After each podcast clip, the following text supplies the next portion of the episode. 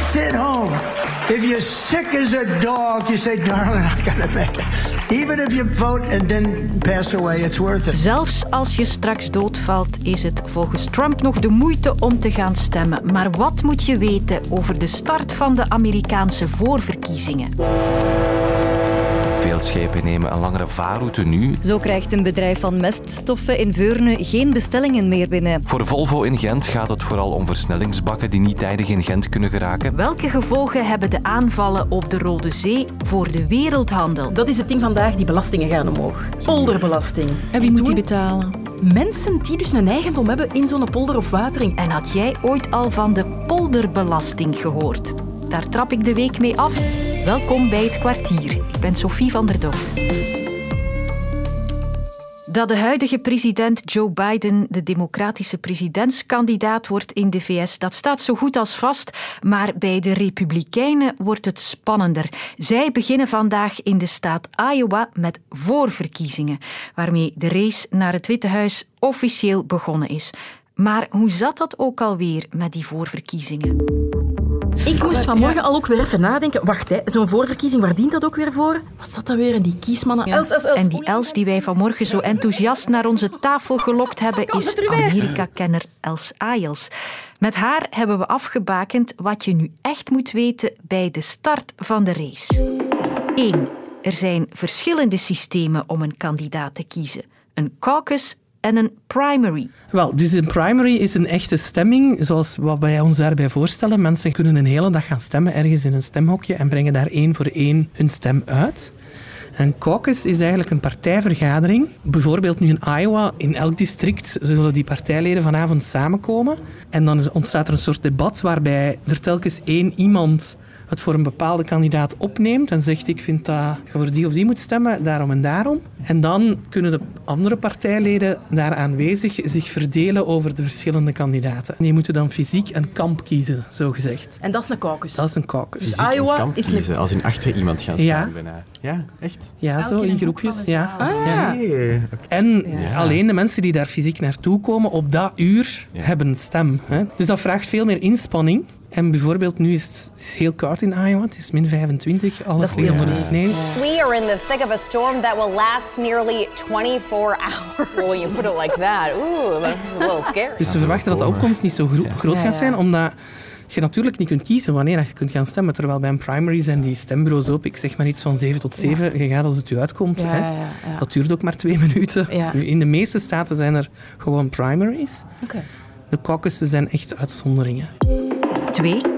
Iowa houdt als eerste voorverkiezingen, maar het is zeker niet de belangrijkste staat. Zeker niet als je, als je naar de cijfers kijkt. Iowa is in bevolkingsaantal een heel kleine staat. Ze zullen dus ook veel minder afgevaardigden naar de partijconventie kunnen sturen dan andere staten. Ik zeg maar iets, New York of Florida of Texas of zo, waar veel meer mensen wonen. Dus in die zin zijn ze niet zo belangrijk. Ze, ze maken zichzelf natuurlijk een beetje belangrijk door als eerste in dat proces te komen. Ja, dat is gewoon traditie. Die zijn al sinds ergens in de 18e eeuw of zo de eerste staat Ah, ja. om dat te doen. En die staan erop om dat te blijven doen. En dat heeft ook een soort van romantiek Ja. voor de Amerikanen, omdat dat net zo'n caucus is wat zoiets heel historisch lijkt. En Ja. omdat het daar altijd zo koud is in januari. En, allee. Maar het resultaat in Iowa is meestal een heel slechte voorspelling van wat het uiteindelijk zal worden. Het is een staat met een heel specifiek profiel van mensen. Het zijn vooral, Ja. allee, kort door de bocht, witte boeren. Hè? Ja. En vandaag in Iowa zijn ze dan met drie noemenswaardige kandidaten. Trump, Haley en, En DeSantis, ja. Ja. Nu dat Trump in Iowa gaat winnen, dat is nu niet echt een verrassing. Hè. Iowa Nee. is echt een, een staat met het profiel van mensen die voor Donald Trump stemmen. Maar voor die kandidaten is het natuurlijk wel belangrijk om daar een, allee, in elk geval geen belachelijk figuur te slaan. Want je hebt natuurlijk sponsors nodig om je campagne gaande te houden. Als je daar echt compleet afgaat, ja, dan gaan die sponsors misschien zeggen ik ga mijn geld in iemand anders steken. Hè? Dus klein en niet representatief, maar toch belangrijk. Ja, dat had ik ook ah, wel, bij, ja, zoiets, ja. En 3.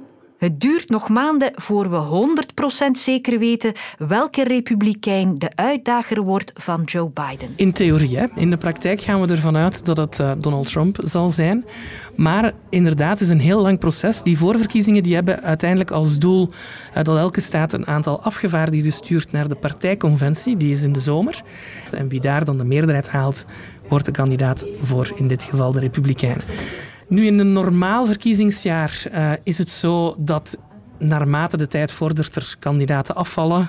En kan je wel zeggen dat eigenlijk lang voor de conventies duidelijk is wat het dan uiteindelijk zal worden. Maar dit jaar komen er natuurlijk een heleboel andere dingen nog bij kijken. Uh, zoals een heleboel processen tegen Donald Trump die nog lopen. Eén ervan zou normaal gezien ook beginnen de dag voor Super Tuesday. Super Tuesday is op 5 maart en dat is een dag waarop er bijna, ik denk dat het er dit jaar 15 uh, voorverkiezingen zijn, dus in 15 staten.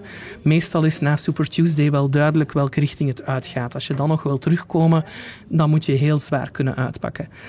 Maar dit jaar ja, zou het natuurlijk kunnen dat er nog allerlei andere dingen gebeuren. Stel dat Trump veroordeeld wordt, stel dat hij naar de gevangenis moet. Ja, kan je dan nog voor die man stemmen? Uh, niemand schijnt ook te weten of dat eigenlijk kan, een president verkiezen die in de gevangenis zit. Hè? Dus er zijn heel veel onvoorspelbare factoren dit jaar, waardoor het eigenlijk ja, een beetje afwachten blijft het hele jaar door, denk ik. Vorige vrijdag heeft Lode in het kwartier nog de gevaarlijke situatie op de Rode Zee uitgelegd. Houthis uit Jemen vallen al een tijd vrachtschepen aan op hun route tussen Azië en Europa. En de Amerikanen en de Britten hebben als reactie Houthi-doelen in Jemen bestookt. Gevolg, veel schepen riskeren het op dit moment niet om via de kortste route, dus de Rode Zee en dan het Suezkanaal te varen. Ze nemen een langere route helemaal rond het Afrikaanse continent en dat is een enorme omweg. Dat kan, maar dat vraagt dus uh, 8 tot 12 dagen extra vaartijd. Bij mij zit Ilja van Hespen. In de lift deed iedereen spontaan een stapje opzij, want hij kwam in werkkledij naar de studio. Ik ben corvetkapitein bij de marine. Ik ben ook verbonden aan de faculteit Recht en Criminologie van de Universiteit Gent.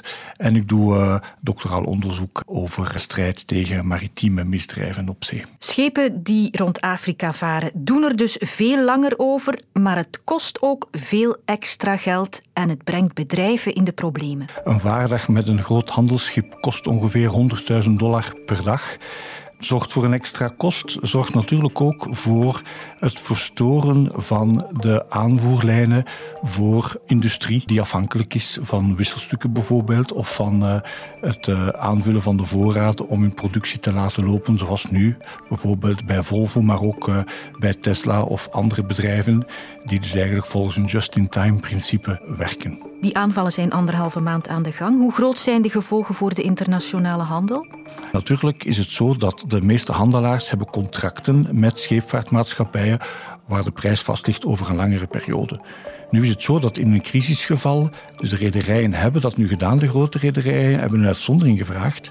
En ze hebben dus toelating gekregen om, ondanks het feit dat er contracten bestaan, toch 800 tot 1000 euro per container bijkomend te vragen aan de handelaars. Dus de kans bestaat dat die prijsstijging zich toch langzaamaan zal doorzetten naar de consument. Op dit ogenblik valt het ook nog mee, omdat bijvoorbeeld in de Verenigde Staten, ja, de meeste handelaars die zijn nu hun voorraad aan het verkopen die ze voor de winter hadden opgeslagen. Maar als dat blijft aanhouden, kan de impact wel groot worden. Zou het niet gewoon het efficiëntst zijn om die route door een internationale samenwerking te beveiligen, zodat het scheepvaartverkeer daar weer gewoon door kan? Uh, ja, dat is zo. Het is natuurlijk vanuit een politiek hoogpunt niet zo eenvoudig om alle landen uh, te verenigen uh, en daar een mandaat voor te krijgen. Tot nu toe kan men dus met marineschepen de koopvaardijschepen beschermen die door die zeestraat varen. Maar dat zijn er nog altijd enorm veel. En dat betekent dus dat je wel een grote troepenmacht nodig hebt, veel schepen nodig hebt om bescherming te kunnen bieden. De beslissing van een rederij om door dat gebied te varen hangt voornamelijk af van de verzekeringspremie die moet betaald worden. En die ook op dit moment veel hoger zal zijn dan. En die op dit ogenblik natuurlijk heel fel begint te stijgen. Het is zelfs zo dat het dus de Rode Zee wordt als oorlogsgebied uh, gezien. En dat betekent dat je bijna niemand vindt om die verzekering uh, te betalen. Het zal zaak zijn van die crisis geen maanden te laten aanslepen. De rust moet terugkeren om de gevolgen in te perken. Ja. Niet alleen voor Europa, ook dus voor de Verenigde Staten, maar ook voor de landen in die regio. Egypte haalt ongeveer uh, een derde van het inkomen uit uh, de bedragen die de scheepvaart betaalt om via het Suezkanaal te varen. Dat is ongeveer uh, 7 miljard dollar per jaar dat Egypte daarvan ontvangt. En we moeten dus eigenlijk op zoek naar een manier om uh, terug rust te brengen. Maar natuurlijk, de Houthis op dit ogenblik zijn wel diegenen die eigenlijk geen belang hebben bij het rustig maken van het conflict. Integendeel, zij hebben dus belang bij het aanhouden, het volhouden van die dreiging. Uh, zij dreigen niet alleen met aanvallen op schepen, maar ook uh, op land. Dus we weten nog niet waar dit uh, gaat eindigen op dit moment. Dank u wel voor dit gesprek. Graag gedaan.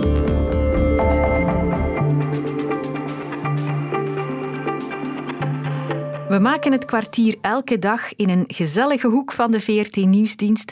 Maar af en toe stuur ik ook eens iemand naar buiten om het nieuws van de dag te verslaan. En dat nieuws dat speelt zich soms gewoon in je eigen achtertuin af. Ik ben Bart Hellemond. Ik woon in Steen-Nokkerzeel nu al een goede tien jaar. We zijn hier tien jaar geleden komen wonen, hadden toen de kans om een vrij groot perceel grond te kopen. Uh, achteraan onze grond, ook een van de redenen waarom we dit perceel kochten, ligt de Barenbeek. Voor een afstand van zo'n dertigtal meter dat onze grond grenst aan die beek. Een kabbelende beek in de tuin van Bart. Het klinkt romantisch, maar er zit ook een ander kantje aan. Onze verbazing was wel groot het eerste jaar dat we daarop belastingen moesten betalen. Een negentiental euro. Geen groot bedrag, maar dit jaar plotseling de aanslagbrief viel weer in de bus. En dat bedrag is opgetrokken naar 43 euro. Dat is meer dan een verdubbeling toch wel even schrikken. De polder- en wateringbelasting heet dat. En die gaat dus op sommige plekken fors omhoog. Ik had er nog nooit van gehoord, maar deze man praat er vol vuur over. Ik ben Tim Soens, ik ben milieuhistoricus verbonden aan de Universiteit Antwerpen. En ik ben al twintig jaar gefascineerd eigenlijk door het, uh, het kustgebied, het lage land en hoe mensen daar zijn omgegaan met te veel water en te weinig water. Hoe zit dat dan precies met die polders en wateringen? Is het normaal dat ik dat niet ken? In Vlaanderen is dat normaal, in Nederland kent iedereen dat. Maar die polders en wateringen, dat zijn eigenlijk onze oudste democratische instellingen. Die bestaan eigenlijk in hun huidige vorm ongeveer 700 jaar in Vlaanderen. Dat is dus ongelooflijk. Ik denk dat het van de weinige instellingen zijn uit de 13e eeuw die vandaag nog altijd bestaan. Het is eigenlijk gebaseerd op een principe dat men in Nederland de trits noemt. Belang, betaling, zeggenschap. Wie belang heeft bij het waterbeheer in een bepaald gebied, betaalt die fameuze belasting, maar heeft dan ook inspraak in hoe die instelling, polder of watering, werkt. Het zijn altijd mensen die eigenlijk een grote vertrouwdheid met het waterbeheer van die regio hebben. Die mensen kennen hun waterlopen, die weten wanneer ze een bepaalde sluis een beetje hoger of lager, een bepaalde dam of stuw moeten openzetten. Het is een soort van micromanagement gebaseerd op vertrouwdheid met de lokale omgeving.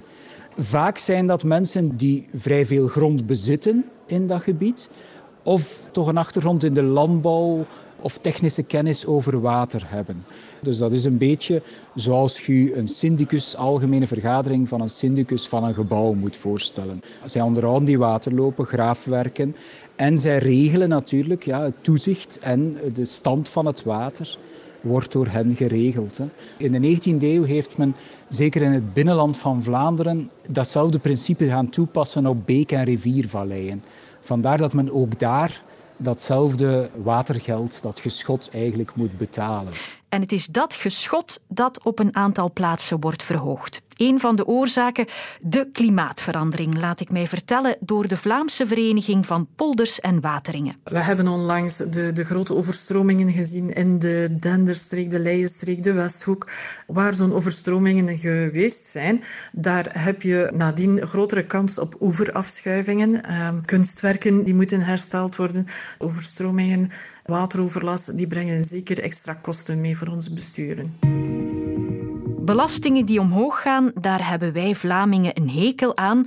Maar als het van Tim Soens afhangt, blijven die polders en wateringen gewoon bestaan. Ja, het is een vorm van lokale waterkennis, van een soort vertrouwdheid met het water rondom u. We hebben de voorbije maanden gezien dat mensen nog altijd verbaasd zijn dat hun huis eens om de 10, 20 jaar half onder water staat. Maar dat zou niet mogen, want ze wonen op plekken waar dat perfect normaal is. Dus we hebben echt wel nood aan dat soort lokale instellingen, dicht bij de mensen, die hen ook een soort vertrouwdheid geven met het water rondom hen. Het was democratie op grote en kleine schaal vandaag in het kwartier van voorverkiezingen in de VS tot polderbestuur in Vlaanderen. Tot morgen. Luister ook naar Snapt je mij nu? Onze VRT Nieuwspodcast waarin straffe twintigers praten over hot topics. Nu in de app van VRT Max.